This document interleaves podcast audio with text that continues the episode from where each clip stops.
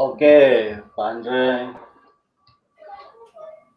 Kita lihat apakah sudah ada yang bertanya. Enggak, yang gabung banyak itu kayaknya, Pak. Oke, Pak Andre. Kita sambil nunggu pertanyaan dari sahabat Mutiara atau dari uh, komunitas Pak Andre. Iya, Pak. Saya gini, Pak. Ada beberapa sistem instalasi ya. Ya. Ini menurut Pak Andre nih untuk para pemula ini, untuk para pemula ya, kalau sudah industri lain lagi lah. Untuk para pemula nih, pemilihan sistem instalasi ini yang mudah dalam segi perawatan dan lain-lainnya apa nih Pak? Kelebihan-kelebihan Oke. dari instalasi tersebut. Kalau kalau untuk pemula ya Pak, eh, untuk pemula itu sebetulnya sih balik-balik lagi tergantung ada eh, berapa dana yang bersedia untuk dikeluarkan. Bukan dalam konteks maksudnya seberapa luasan kebun enggak, tapi maksudnya gini. Kalau yang memang betul-betul tidak ada basic pertanian sama sekali, kalau saran saya setidaknya itu belajarlah main di sistem WIC. Googling aja ada yang sistem WIC. Oke. Itu sistem paling istilahnya paling murah yang Hmm. eh, memang tidak bisa semaksimal kalau eh, sistem-sistem yang sirkulasi dan lain sebagainya memang. Oke. Tapi setidaknya untuk pemula itu nggak ngeluarin biaya yang terlalu gede dulu. Intinya ada di situ. Oke. Tetap bisa tumbuh tanamannya, tetap bisa menghasilkan tanaman cukup bagus, eh, tapi memang eh, setidaknya itu terbiasa dulu untuk menanam. Biasanya sistem week dulu. Tapi kalau Oke. misalkan nih ada dana spend lebih, misalkan sudah cukup yakin, Hmm. eh, istilahnya mau nyoba masuk ke dunia hidroponik yang sedikit lebih dalam, setidaknya buatlah sistem NFT atau DFT. Oke. Satu meja aja ada, ada dulu, jangan terlalu banyak karena kalau kalau ter- belum belum udah eh, 400 lubang tanam, 500 lubang tanam, nanti kepayahan buat eh, menjualnya karena nggak mungkin habis dimakan sendiri. Oke, Kalau sudah- oke. Sudah lebih dari 200 lubang itu sudah nggak mungkin habis dimakan keluarga. Mau keluarga berapa banyak pun nggak akan habis, pasti harus mau nggak mau jual. Jadi di awal-awal mungkin dua sistem itu Pak, tiga lah ya, Eh, week kalau mau belajar-belajar di awal atau NFT atau DFT Hmm. itu itu yang yang setidaknya paling mudah untuk eh, belajar dan untuk mengendalikan. Mengendalikan Oke. sistemnya itu. Tuh Oke, Pak Andre tadi nyinggung eh, NFT dan DFT. Kalau dari Iya, segi perawatan nih, eh, biar sahabat Mutiara nggak salah pilih nih. Enak mana nih, Pak Andre? NFT atau DFT nih? Dari segi perawatannya nih. Kalau dari sisi perawatan sih tergantung dari desain instalasinya, Pak. Tapi kalau Hmm. kalau saya boleh kasih sedikit masukan, pemilihannya jangan berdasarkan eh, per- masalah perawatannya yang yang bagaimana bagaimana, tapi Iya. coba di coba dicek di tempat di tempat masing-masing ini eh, kondisi listriknya lancar atau enggak. Kan Oke. memang bagaimanapun di Indonesia ada daerah-daerah Ya. tertentu yang yang listriknya itu sering mati. Biar cepet Kalau ya. mati mungkin bisa setengah hari. Nah, itu mungkin ada baiknya eh, milihnya ke DFT. Oke. Tapi kalau memang listrik lancar atau kondisi instalasi ada di rumah yang hampir selalu Oke. ada orang di rumah, bisa pakai ke NFT. Kalau masalah perawatan memang diakui atau enggak lebih mudah yang NFT. Oke. Lebih mudah yang NFT. Dan eh, masalah pompa, masalah eh, kebersihan instalasi segala itu lebih lebih membersihkannya lebih mudah yang NFT dibanding yang DFT. Kurang lebih Oke. gitu, Pak. Oke, sahabat Mutiara. Jadi ingat di tempat eh, saudara-saudara ini eh, listriknya lancar enggak? Saya yakin kalau mungkin daerah areal Jawa ini ya listriknya Ya, jarang betul. mati lama ya Pande ya. Tapi kalau ya sudah jarang di, lah. Kalau udah di Sulawesi, di Kalimantan, saya rasa ya daerah-daerah yang itu agak agak sering mati listrik.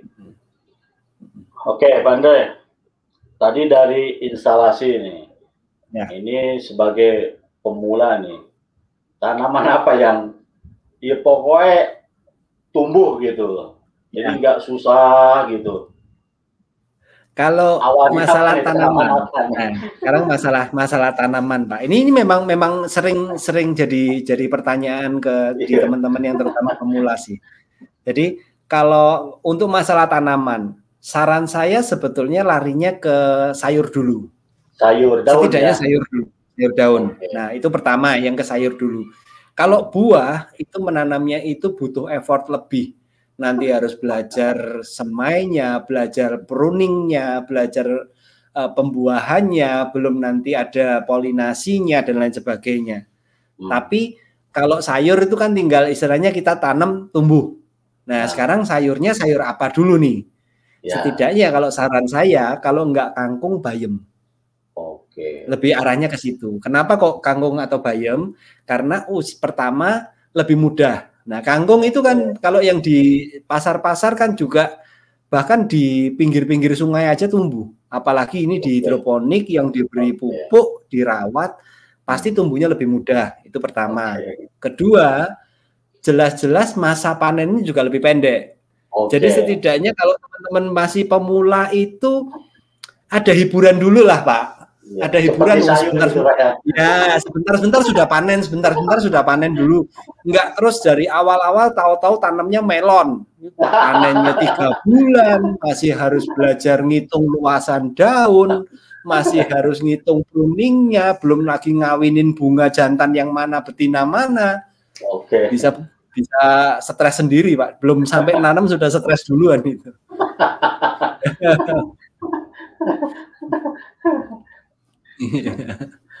Oke, sahabat Mutiara, ini untuk pemula nih ya. Jadi Aduh, pertanyaannya jebakan Batman ini. untuk para pemula ini. Ini apa nih? Oh, lebih baik racik sendiri atau beli AB Mic untuk pemula? Belilah. Monggo Pak. Kalau saran saya eh, lebih baik kalau untuk pemula itu eh, lebih baik beli jadi aja dulu.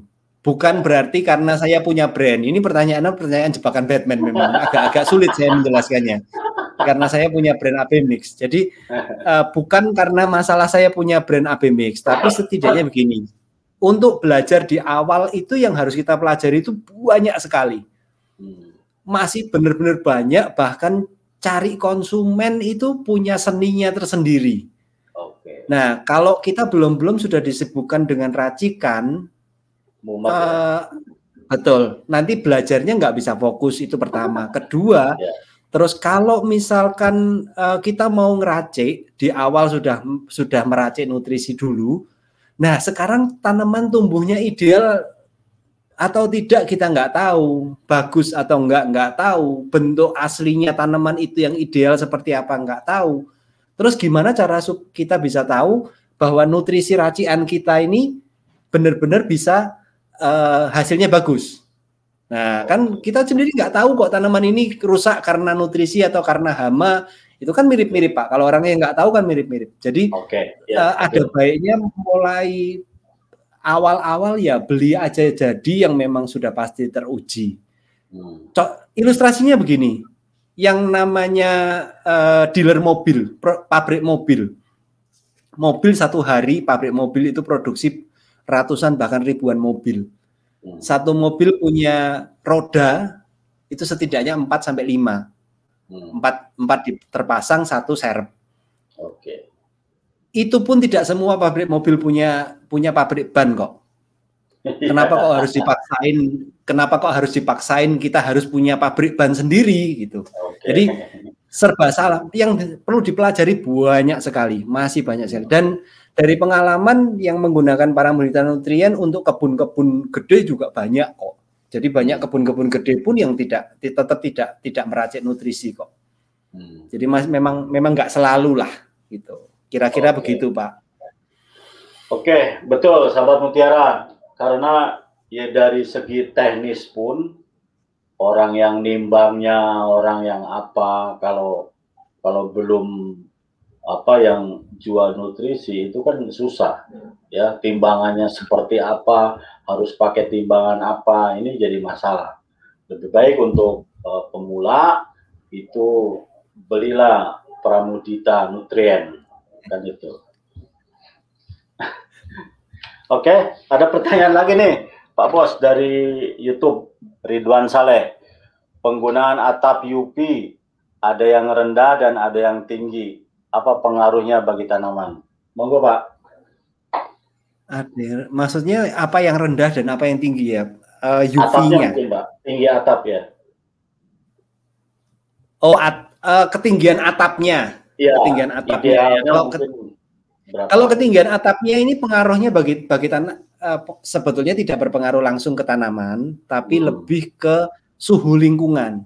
Kalau atapnya terlalu pendek, otomatis hmm. lebih panas kondisi okay. lingkungannya lebih panas dan tanaman pasti itu pertumbuhannya terganggu. Hmm. Itu aja. Lebih okay. lebih ke situ sih. Oke. Okay. Ya. Oke, okay. ada pertanyaan lain? Kalau belum ada Oh, ada ini, Pak. Kang Yadi. Selamat sore, Pak Andre. Uh, mau tanya kalau pakai sistem satu tandon ini bagaimana untuk tanaman buah? Apakah bisa diterapkan karena nutrisi tiap fase kan berbeda yang dibutuhkan. Salam sehat dari petani hidroponik Tasik Malaya. Baik, uh, gini, uh, ya jangankan untuk sayur dan buah, sebetulnya jangankan untuk sayur dan buah. Kalau mau kita bicara jujur, kita dan kita mau berbicara ideal, sebetulnya beda jenis sayur aja ini sudah beda ini. Komposisinya okay. sudah berbeda, yang dibutuhkan tanaman sudah berbeda. Itu yang pertama. Kedua, daun warna merah dengan daun warna hijau ini aja sudah berbeda. Yang batangnya berkayu dan tidak ini sudah berbeda. Apalagi yang buah. Apalagi yang untuk antara sayur dan buah. Ini sudah perbedaannya jauh sekali. Gambaran gampangnya gini. Kalau yang namanya kita menanam sayur, itu bagaimanapun caranya tidak boleh sayur itu berbunga. Karena kalau berbunga biasanya nanti larinya ke daunnya pahit lah dan lain okay. sebagainya. Sedangkan buah mau nggak mau kalau nggak berbunga ya nggak keluar buahnya. Jadi ini memang berbeda. Nah sekarang kembali ke masalah seberapa kita tanamnya. Kalau Anda sudah nanamnya skala kebun yang gede gitu ya ya dibuat terpisah lah. Instalasinya saran saya dibuat terpisah lah. Karena memang sudah hmm. fungsinya sudah beda. Apalagi okay. sudah orang yang dikejar-kejar market mau nggak mau harus setor setiap hari, harus setor ini sekian ini sekian lebih baik dipisah. Tapi okay. kalau misalkan Anda itu nanamnya di rumah, cuman di skalanya skala rumahan, di halaman rumah, ya jadiin satu lah. Kalau saya biasanya yang pengguna pengguna para mudita nutrien saya menyarankannya cuman uh, ya sudah pakai aja nutrisi yang terbanyak dipakai. Nggak perlu terus sendiri-sendiri karena kan satu kebun juga paling luasan berapa. Intinya gitu. Pakai yang terbanyak aja. Tetap tumbuh walaupun tidak maksimal itu aja. Oke, terima kasih, ya, Pak. Bos. Oke, kita lihat ada dari YouTube Mekco. Pak, tadi katanya harga Pramodita di seller lebih murah daripada beli di Pak Andre. Saya tahu kayaknya ini siapa. jadi uh, betul kalau beli di seller itu bisa jadi lebih murah Pak, karena di tempat kami kan nggak mungkin uh, istilahnya kita ya kalau mau jujur ya kita jual harga murah, uh, sellernya mati semua Pak Yeah. Ya intinya kan ya sama-sama sama-sama sama-sama makan lah intinya kan yeah. itu. Okay. Tapi yang paling sebetulnya paling menentukan adalah di biaya pengiriman. Oke. Okay. Kalau biaya pengiriman, kalau di dari tempat kami ke tempat konsumen itu kan nggak mungkin yang namanya konsumen itu bisa menggunakan jasa kargo, okay. kargo darat.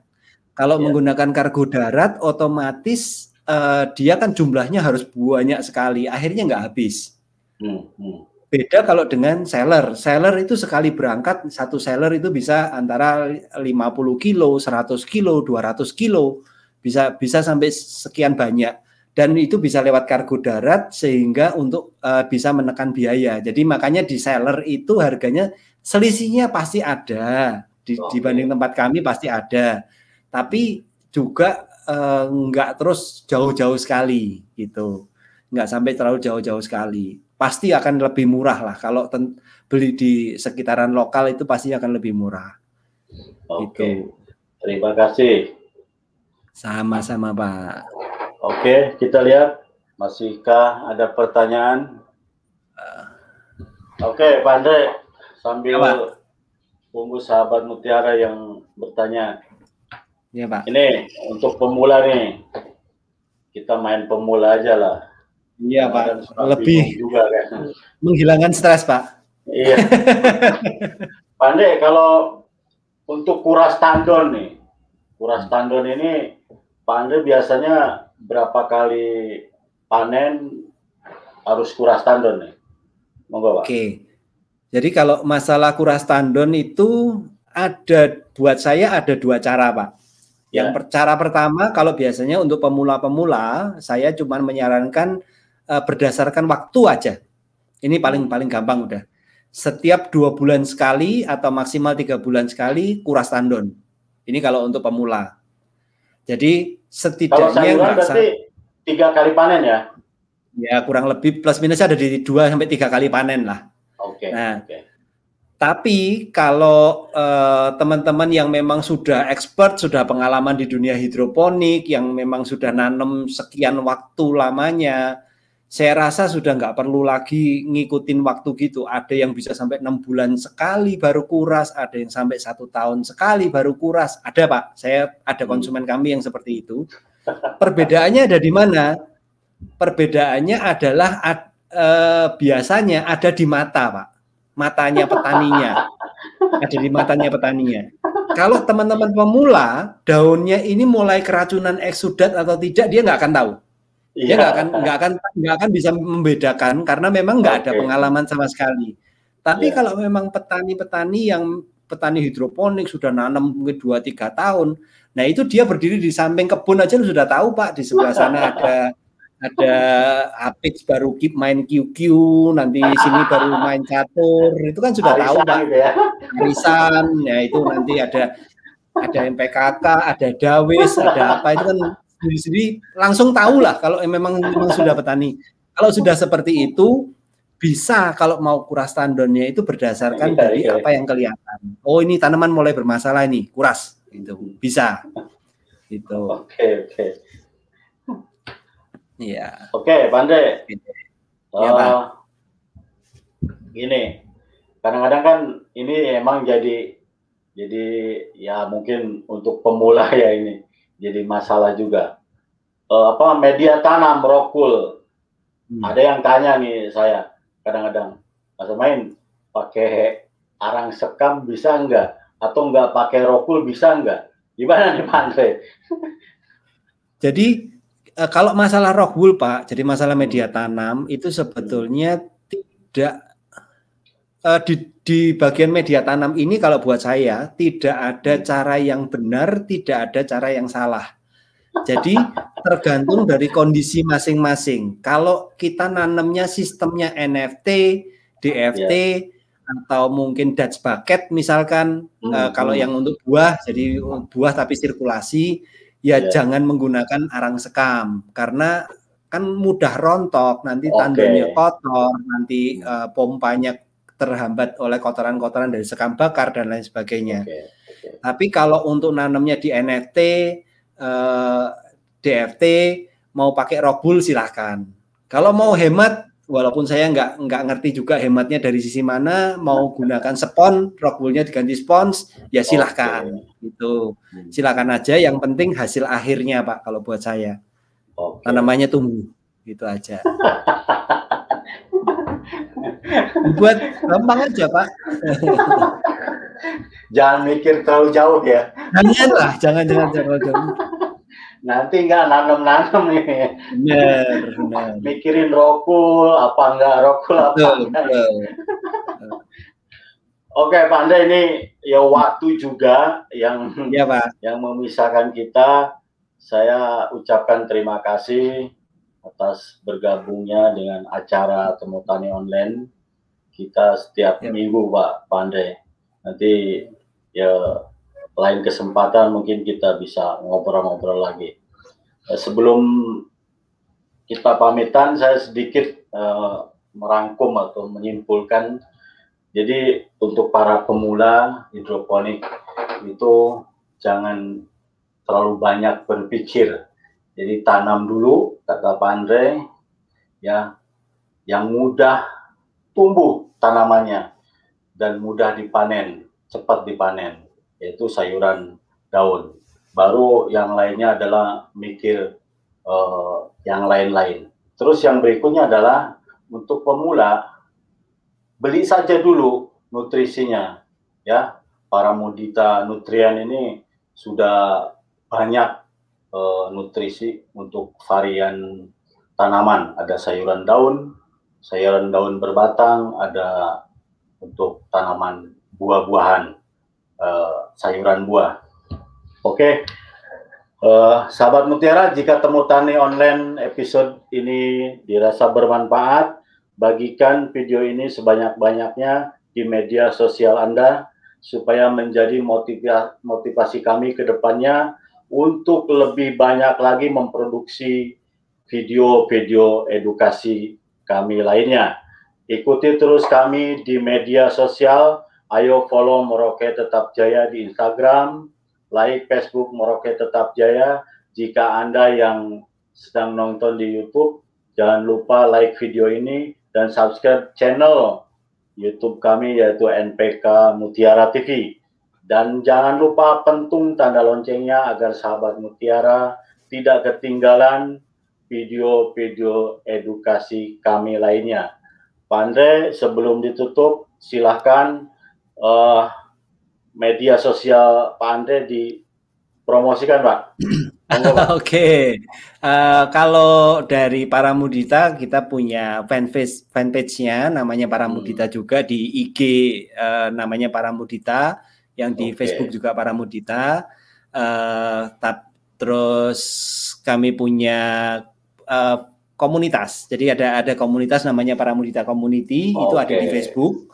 Nah itu bisa silakan bergabung Eh, di sana kita bagi-bagi eh, macam-macam dari banyak teman-teman dari seluruh. Indonesia itu kita kita saling saling berbagi. Eh, cuma memang kalau di para mudita community itu kita memang menetapkan aturannya agak sedikit sedikit ketat nih. Jadi kalau mau tanya nggak bisa model model tanya ke paranormal. Jadi kalau mau tanya ya harus harus ada datanya, tanam foto Oke. tanamannya, atau biasanya gunakan fasilitas pencarian di situ sudah banyak yang eh, kasus-kasus yang yang terjawab dari teman-teman. Itu berikutnya eh s- paling ya ada, ada di community itu sih. Silahkan kalau memang mau bergabung eh, kita sama-sama belajar di situ. Kalau di YouTube Oke. ada, kita ada ada YouTube eh, namanya Para Mudita TV. Saya banyak bagi-bagi tips di situ, tapi kan itu lebih lebih banyak ke satu arah kalau YouTube ya. Oke. Itu kira-kira begitu Pak. Oke, terima kasih Pak Andre Ya, Pak. eh, atas waktunya. Jadi sekali lagi sahabat Mutiara, jika ingin nanti lebih banyak lagi bertanya, kita ada eh, ruang diskusi di Telegram, yaitu untuk pertanian konvensional kita ada komunitas NPK Mutiara, dan untuk hidroponik kita ada eh, grup namanya hidroponik Mutiara. Stay Harusnya healthy, saya ada loh Pak di jarak. Telegram Pak. Hah? Harusnya saya di Telegramnya hidroponik ada Pak. Ada ya? Saya gabung juga ada seharusnya, tapi nggak pernah ngomong. Oke, terima kasih Pak. Ya Pak, Terus, sama-sama kalau Pak. Andre pakai pakai pupuk MTJ ya. pasti Pak, pasti pasti pakai Pak. Oke Pak. Stay healthy, Pak. jaga jarak. Sampai jumpa dan tunggu di edisi Temu Tani Online berikutnya. Salam Ya, Mutiara. salam mutiara.